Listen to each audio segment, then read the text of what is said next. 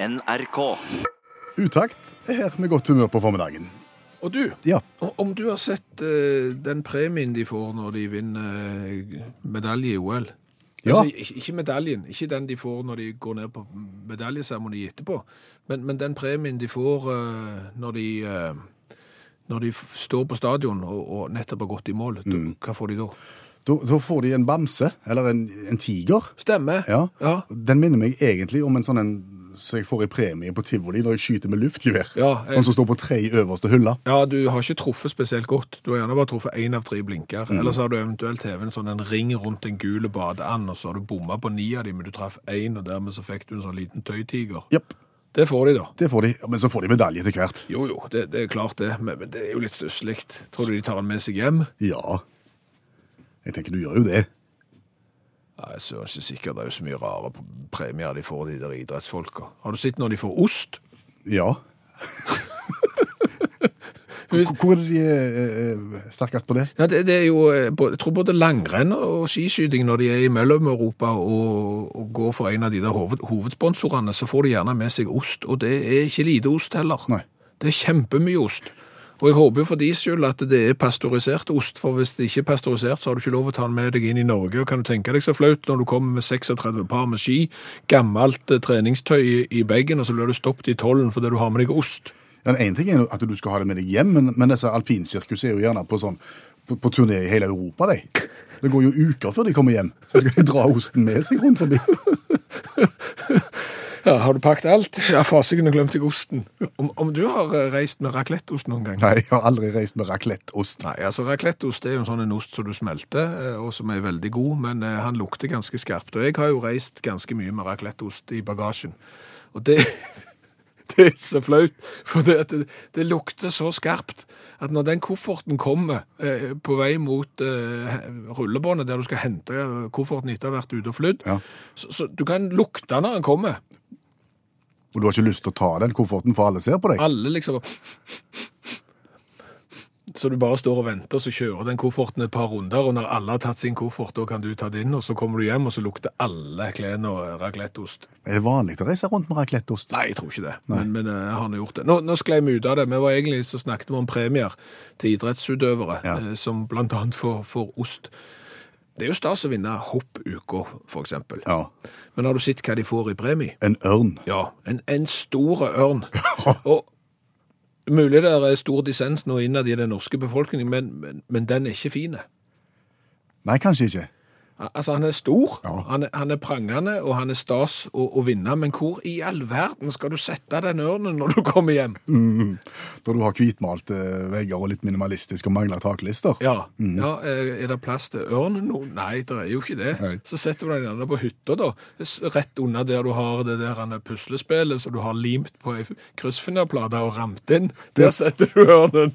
så så det, det er jo ikke greier. Men eh, så har du et sykkelløp som heter Paris-Roubaix, det har du hørt om. Ja. Hva, hva er spesielt med det sykkelløpet Da sykler de mye på brostein. Vet du hva premien i det sykkelløpet er? Jeg tror jeg kan gjette nå. Ja. Er det en brostein? Ja, det er det. Tusen takk. Ja.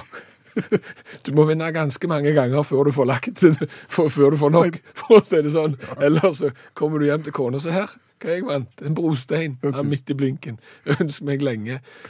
Noen av de tøffeste utøverne i idrettssirkus, og kanskje de rikeste og liksom, kan du si, mest fjonge og populære, det er jo Formel 1-førerne.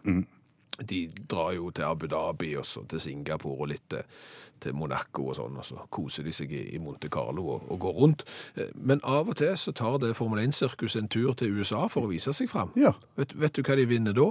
sikkert noe fint. Eh, Kanskje Nei, mm, cowboyhatt. de vinner cowboyhatt. Ja, og der må du gå med cowboyhatt. Nummer 1, 2 og 3 må gå med cowboyhatt. Det, er ikke- det er ikke bra. Og når vi holder oss i, i, eh, i motorverden, eh, idrettsverden, så, så er det jo noe som heter NASCAR. Ja, det, det er biler som kjører full og full fart, det òg. Det er det. bare de kjører rundt og rundt. De kjører bare i ring. Ja. Eh, veldig spennende. Svinger bare til venstre. Eh, og, og er du eksempel i Martinsville i Virginia, da vinner du bestefarsklokka. Bestefar Sånne svære som står på gulvet. Ja, sånn to meter høy som ringer hver halvtime. Tusen takk. Eh, Hvor skal jeg ta? Jeg skulle hatt han med. med meg hjem. Og, og vinner du NASCAR i, eh, i Loudon, eh, da får du hummer. Altså, hummer fra, fra sjøen? Ja, levende hummer får du da. En svære. Ha. Levende hummer. Og nå når vi er inne på dyr, eh, det er veldig populært å gi idrettsutøvere dyr i premie. Det er gitt eh, geiter og hauker og, og sågar reinsdyr. Ja. Men, men det har jo ofte bare en sånn symbolbetydning. At når du har vunnet den, så leverer du den tilbake igjen. Så, så når da eh, alpinist Lindsey Vonn fra USA, som er kanskje verdens beste, vant kalv i Val d'Isère, Kalv. ja, så tenkte de at ok, da gjør vi det. Når publikum har gått, så kan hun levere kalven tilbake igjen og få premiepenger istedenfor. Hun ville ha kalven. Ja, hun hadde penger nok, så hun ville ha kalv. Tok hun kalven med hjem? Nei, det er problematisk å ta med kalv fra Frankrike til USA, så den kalven har visstnok havna på en, eh, en gård i Østerrike, og, og fått sjøl blitt mor og fått to nye kalver. Så. Stas. Ja. Men favorittpremien min blant alle premier en idrettsutøver kan få, Ja den får du i Finland. I Finland, hva får du der? Der får du øl. Mye øl? Mye øl, ja. For det er nemlig idrettsgreinen konebæring. Konebæring? Ja, VM i konebæring, det fins i Finland, og der får du øl i premie. Ja vel. Hvor mye øl da? Så mye som kona veier. Ok. Så dryger kona mye, mye premie? Nei, har du dryg kone, så får du ingen premie. For da er jo kona så tung at du kommer jo ikke til å vinne VM i konebæring. Så du må ha ei lita kone, og dermed så får du ikke fullt så mye øl som du egentlig hadde lyst på i en sådan stund. Gi meg fløyten. Er du klar for en vignett som jeg har lagd sjøl? Ja, skal jeg spille den av? Ja, ja, ja, det må du gjøre. Det må du gjøre.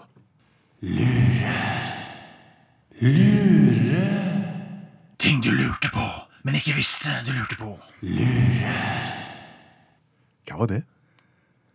Hva var det? Ja. Det var vignetten til spalten eh, Ting du lurte på, som du kanskje ikke visste at du lurte på. Nei, Vi har jo vært igjennom dette før. Du har fått kritikk for, for vignettene tidligere. Jo, og men jeg vil ikke si at det var så mye bedre. Jo, men altså, Du har jo kritisert vignetten min for at den var for kort, at det bare var eh, veldig for kort, og ikke forklarte hva spalten inneholder. Så Dermed så, så bygger jeg ut vignetten og lager en vignett som er tydelig og forteller at det, nå kommer lure ting du lurte på som du ikke visste at du lurte på. Litt sånn drama igjen, litt sånn eh, krimaktig. Jeg vet Ja, ikke. ja, ja. Han assosierer ikke riktig, tenker jeg.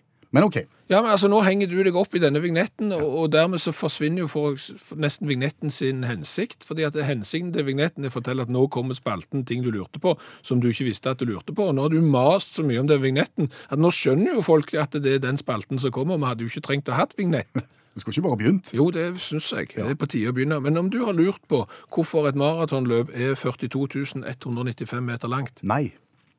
Nei! Nei, det har jeg ikke lurt på. Hvorfor har du ikke lurt på det? Fordi at det vet jeg hvorfor. Hvorfor er det For det er, det, da er det langt tilbake i, i Grekenland, Aha. hvor noen slåss Ja. i, i, i maratonområdet. Ja. Og så var det ett lag som vant, og da ble han ene som var på det laget så glad at han sprang helt inn til Aten for å fortelle at ja, vi vant, vi vant, vi vant. Mm. Og da sprang han akkurat den maratondistansen, og så døde han. Og derav maratondistansen på 4000 og noe Nei, nei, nei, nei, nei, nei. For det var ikke 42 195 meter mellom maraton og Aten. Det var ikke det. Nei. Da lurer jeg på hvorfor eh, maratondistansen er det den er i dag. Ja, der ser du. Der ser du. Og, og, og årsaken til at maratondistansen er 42.195 meter, det er det britiske kongehuset sin feil. Det er ikke første gang de har feil i noe. Nei, de har bomma på en del ting opp igjennom, de. Det skal de ha. Men, men årsaken er nemlig det at under OL f.eks. fra 1896 til, til 1920 så varierte maratondistansen.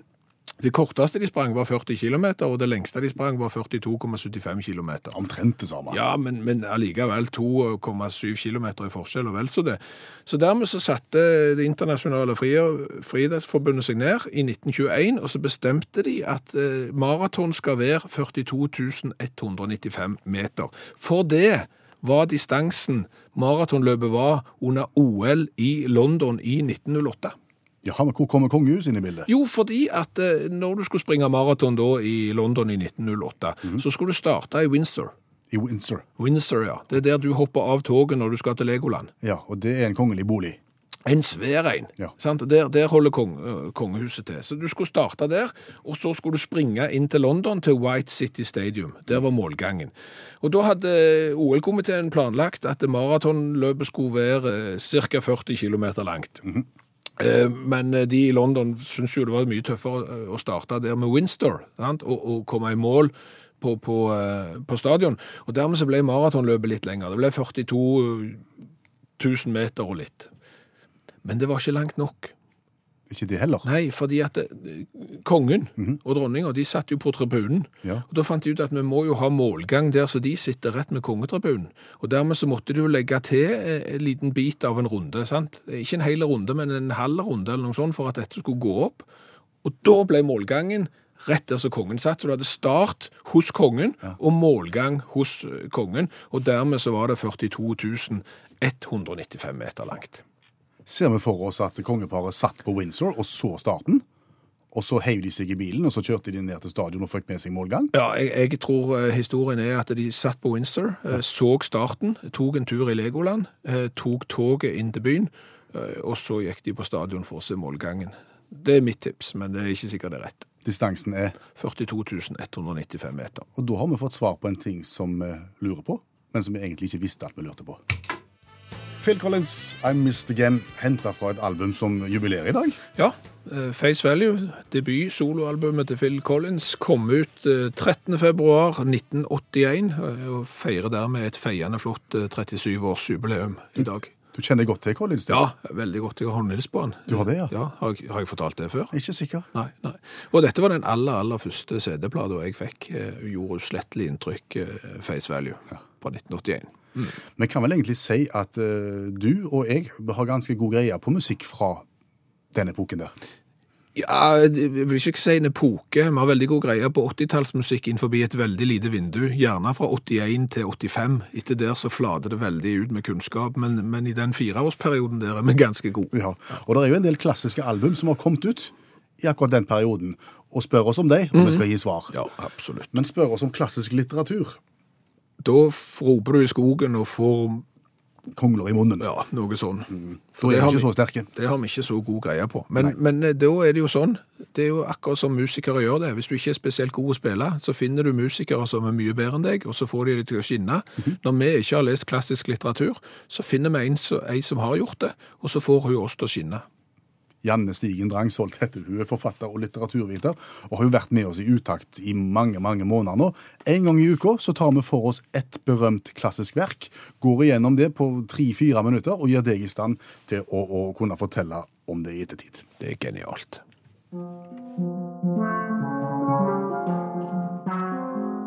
Napoli-kvartetten fra 2014 av Elena Ferrante. Dette er fire bøker som handler om vennskapet mellom Lila og Lenu. To smarte jenter som vokser opp i Napolis fattige strøk. De er venner og misliker hverandre intenst fra første stund. Elena tar utdanning, mens Lila blir igjen. Bøkene handler òg om Italias kulturelle og sosiale utvikling fra 1950-tallet. Men kom ut i 2014, har rukket å bli en klassiker allerede. Ja, det er en klassiker. Den eh, kom ut, eh, Første boka kom ut i 2011, og den siste kom ut i 2014. Eh, og Det er veldig interessant med de bøkene, for de selges veldig mange forskjellige steder. sånn Du kan finne dem på matbutikker og, og overalt. Og omslag eh, gjør at det egentlig ikke ser ut som en klassiker, men det er helt utvilsomt eh, en klassiker. For den er eh, Altså, hva er en klassiker? En av de tingene som gjør at du har å gjøre med en klassiker, er at han klarer å beskrive samfunnsutviklingen. Altså han tar utgangspunkt i konkrete mennesker eller karakterer, da. Men han klarer òg å beskrive altså, hva har skjedd i et land over en lang periode. Hva skjer med samfunnet, hva slags strukturer finner vi der? Og det gjør eh, Elena Ferrante. Og så er det jo òg en, sånn, en litt sånn pirrende ting med disse bøkene, og det er at det, Elena Ferrante er jo et pseudonym. Så vi vet egentlig ikke helt hvem det er som har skrevet disse bøkene. Nå er det jo en Det kan være André Bjerke. det, Antagelig. altså Det har vært mitt tips hele tida. Kan det være Fenton W. Dixon? Eller Carolyn Keane. Antagelig er det det.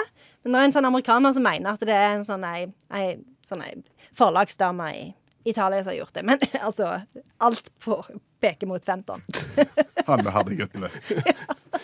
Men hadde jeg sett en bok som sto i butikken og som het Napoli-kvartetten, så hadde jo ikke jeg trodd heller det var en klassiker. Jeg hadde jo tenkt at det var en liten sånn en eh, kiosklitterær bok om eh, fire musikere som reiste rundt og, og spilte til dans i en by der mafiaen styrte og, og politikerne ikke klarte å rydde opp søppel etter dem. Ja, og det handler òg om det. Ja, det? Så det er helt riktig. Eh, Så at jeg tenker at eh, dette er ei bok som, som, eh, som kan passe for alle som syns at det er interessant å lese om Italia sin historie, rett og slett. For det er jo masse om disse mafiaene, og hvor liksom vokser opp i et fattig strøk, hvor ingen har utdanning, og så blir du den første som liksom går på skole mer enn til andre klasse. Og jeg tror det, det er mye som, som folk kan kjenne seg igjen i, i hvert fall i Sandnes. Altså Bare å kjøre på. Er det lov å si at jeg føler at dette er en damebok? Ja, men det er ikke det, skjønner du. Eh, fordi at eh, dette er jo mennesker, da. Så OK, de har jo mensen og sånn. Men eh, det er ikke så mye om det. Har du et sitat? Jeg har et sitat. Du har vel sett hvor stygge folk er når de våkner? Helt deformerte og uten blikk. Det sa Robbie Williams òg. Early morning when I wake up, I look like Kiss, but without the makeup. Det er mulig hun er inspirert av Ja, Robbie Williams. ja det, det, kanskje hun satt og hørte på han når hun skrev på sånne øreklokker. Vil du oppsummere kvartetten for oss? Eh, Kvartetten, Napoli-kvartetten, mest kjent for 'Jeg går og rusler i Milano'. Eh, Det er jo den mest kjente sangen de eh, ga ut, i tillegg til de fire bøkene om Lila og eh, Elena. Men dette er jo egentlig Italias eh, historie, beskrevet gjennom blikket på disse to eh, jentene. Og hun som har skrevet det, Elena Ferrante, er jo da et pseudonym, og etter det vi har grunn til å tro i Utaktredaksjonen, er det enten Fenton W. Dixon som er mannen bak, eller André Bjerke. Ja. Var det greit? Ja, det er kjempebra. Det var fint vi kunne konkludere med at det er en mann som har skrevet det. Det er jeg veldig fornøyd Tusen takk skal du ha, Janne Stigen Drangsholt, forfatter og litteraturviter, og tidligere hjelpetrener i friidrett, tidligere leder av Foreldrenes arbeidsutvalg på skolen, og nå klassekontakt på andre trinn. Vi gjør klar for en av de faste postene.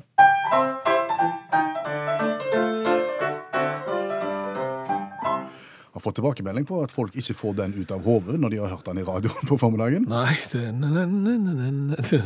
bare å synge på den. Det er vignetten for dagens revyvise. Yes, Vår utfordring til oss sjøl om å skrive en sang på 20-20 sekunder om et aktuelt tema. Det var min jobb i dag. Jeg satt og saumfarte de internasjonale og nasjonale nyhetsbyråene, men sto fast. Så kom du ut med nyheten fra Hongkong. Ja, om Pixilla. Ja, om Pigzilla. Ja, fordi at hvis du bor i eh, Hongkong, så er det ikke uvanlig, og spesielt hvis du bor i området ut forbi liksom, storbyen Hongkong, eh, så er det ikke uvanlig at du ser eh, villsvin. Villsvin. Ja, de, de kommer ut fra skog og kratt, og så går de gjerne litt eh, rundt i båset ditt og leter etter mat. Yes. Det er ikke uvanlig. Og noen tar sågar turen inn til selve Hongkong og, og leter litt der òg. Det som er uvanlig, det er når du får et gigantisk villsvin i søppeldunken din. Ja. Som veier noe sånn som 250 kilo. Ja. Det er et beist av et villsvin. Vi har sett bilde av det. Ja, eh, og eh, nå det siste døgnet så er det lagt ut masse bilder av dette villsvinet på, på sosiale medier, der det står på to bein og leter opp i båsdunken etter mat, mens det står langt mindre villsvin rundt og, og ser på. Det er rett og slett blitt et eh, sosialt mediefenomen. Ja. Tenk deg at du ser en, en labrador, og på sida av den så ser du ei ku. Ja, Der har du på en måte størrelsesforskjellen mellom et vanlig villsvin og piggsilla. Stemmer det. Eh, Og det er jo sånn at eh, omtrent Pixilla har fått et eget liv nå på Twitter. Eh, Det er jo blant annet de som sier det at hvis det nå ikke kommer et rockeband i løpet av de neste 24 timene som heter Pixilla, da viser det seg at rocken er død. Tenk om du skal gå ut med båset ditt en kveld i Hongkong på tøfler. Oh, la, la, la, la, la, la, la, la, la. Og der står 250 kilo villsvin med sånne horn på nesen. Jeg hadde vært vettskremt. Men ble det revyvise? Oh yes.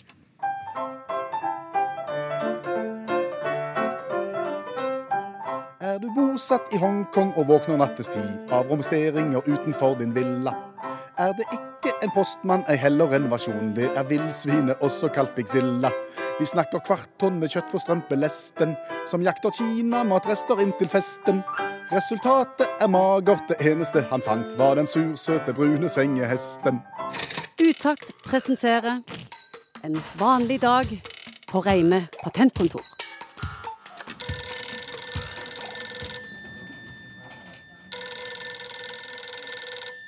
Reime patentkontor, god dag. Ja da. Det kan du. Oppe til fire. Mm. Fint, det. Hei. Kom inn. Ja vel. Det var deg, Valentinsen. Ja, ja, du, du kjenner meg godt. Ja, jeg gjør det. Jeg er ikke sikker på at jeg har tid til å snakke med deg i dag. Da, da koker litt, så, så jeg lurer nesten på om vi kan ta det en annen gang. Ja, men det, det, det, det er fort gjort, det som jeg har- å komme med i dag. Det, det er en veldig god, god eh, patentsøknad jeg har i Du vet at det er den 146. gangen du er her? Det er såpass, ja. Ja, det er såpass, ja. Og du vet at ingen av de tingene du har kommet med tidligere, har det blitt patent på? Jo, det, det ser jeg at det er ikke alt jeg har kommet med som har blitt like godt gjennomtenkt likevel, det må jeg si. Nei, for du kommer alltid med det du kaller en kombinasjonsinnretning, Ja. der du kombinerer et kjent produkt med et eh, erotisk leketøy. Eh, Det, høres ikke så godt ut når du sier det på den måten, for jeg tror jo det er et skrikende behov for, for eh, Ta det kjapt. Hva er det du vil vise fram i dag? jeg, jeg- Ideen min er et eh, kombinasjonsfutteral for rifle. Ja, det var kombinasjon igjen. Ja, ja. Fortell. Altså, du vet det når du, når du er på jakt, Ja. Uh, ut i skog og mark og skal skyte hjort, elg, måre, røyskatt eller tiur eller gaupe likevel, så, så har du jo med deg rifle. Ja. Eh, Og den eh, bærer du jo da i et sånn et eh, futteral, så enten du kan ha på ryggen, eller du kan ha den i hånda, sånn at du, kan frakte med deg denne rifla når du skal ut og, og på jakt. ja. Og det er et produkt som fins allerede. Det er Vi kan ikke bruke tid på dette her nå. ja, det er et produkt som finnes allerede, men, men ikke i kombinasjonsvarianten. Nei. Og hva er det du vil kombinere eh, riflefutteralet med? Eh, jeg vil kombinere den med en sånn en oppblåsbar Barbara likevel. Ja. Og der kom den igjen. Jo, men, men, men, men du må tenke på det at eh, når mannfolk går på jakt, så går de ut i skog og mark, og så sitter de der på post og, og venter på at hjorten, elgen, måren eller røyskatten eller tiuret eller Ja, ja, ja. ja, ja. Og det er veldig, veldig mye ventetid der, sant? Og, og det pleier jo normalt mannfolk som går på jakt, og så kombinerer da med, med å drikke sprit. Og det er ikke sunt. Nei, det er ikke sunt. Nei, det er ikke sunt. Eh, Og da tenker jeg at eh, mannfolk tenker jo på sex eh, mange, mange ganger i timen. Og når du sitter der og, og venter på at det du skal skyte kommer forbi, så, så kan det være like greit. Og hvis det der er riflefutteralet ditt plutselig kan blåse seg opp og verte til ei sånn ei Barbara, for det, du vet at det er mannfolk som ikke har kvinnfolk, de har gjerne en sånn en oppblåsbare Barbara. Og da kan du få tida til å gå mens du sitter der på post og venter på morgen eller tiuren eller hva det er du venter på for noe. Ja. Hva om eh, byttet plutselig da dukker opp, og du er opptatt med helt andre ting? Ja, det er jo for så vidt en- risiko du, du må, må velge å, å ta. Eh, Uansett så vil jeg si du har skådeblink. Det kan vi ikke si om uh, patentsøknaden din, Valentinsen. Hva da for ikke? Det blir et nei i dag òg, og det tror jeg du visste på forhånd, gjorde du ikke det? Nei, må jeg si det her kommer litt bardust, for å være helt ærlig. Jeg trodde den her var veldig gjennoms... Vi skulle ikke prøvd å kombinere noe annet. Med oppblåsbare Barbara. Nå, Valentinsen, nå ser jeg at klokka går fra meg. Jeg tror vi får si takk for nå. Er du ledig i neste uke? Nei, det vet jeg ikke. Jeg kan ikke love noen ting. Du får, du får se. Ok, jeg, jeg ringer jeg og bestiller ei tid. Ja. Ja, Gå hjem til dine du nå, og så bli, bli inspirert. ja det er ikke noen som venter hjemme, for å si det sånn. Det er jeg mutters alene. Ja da.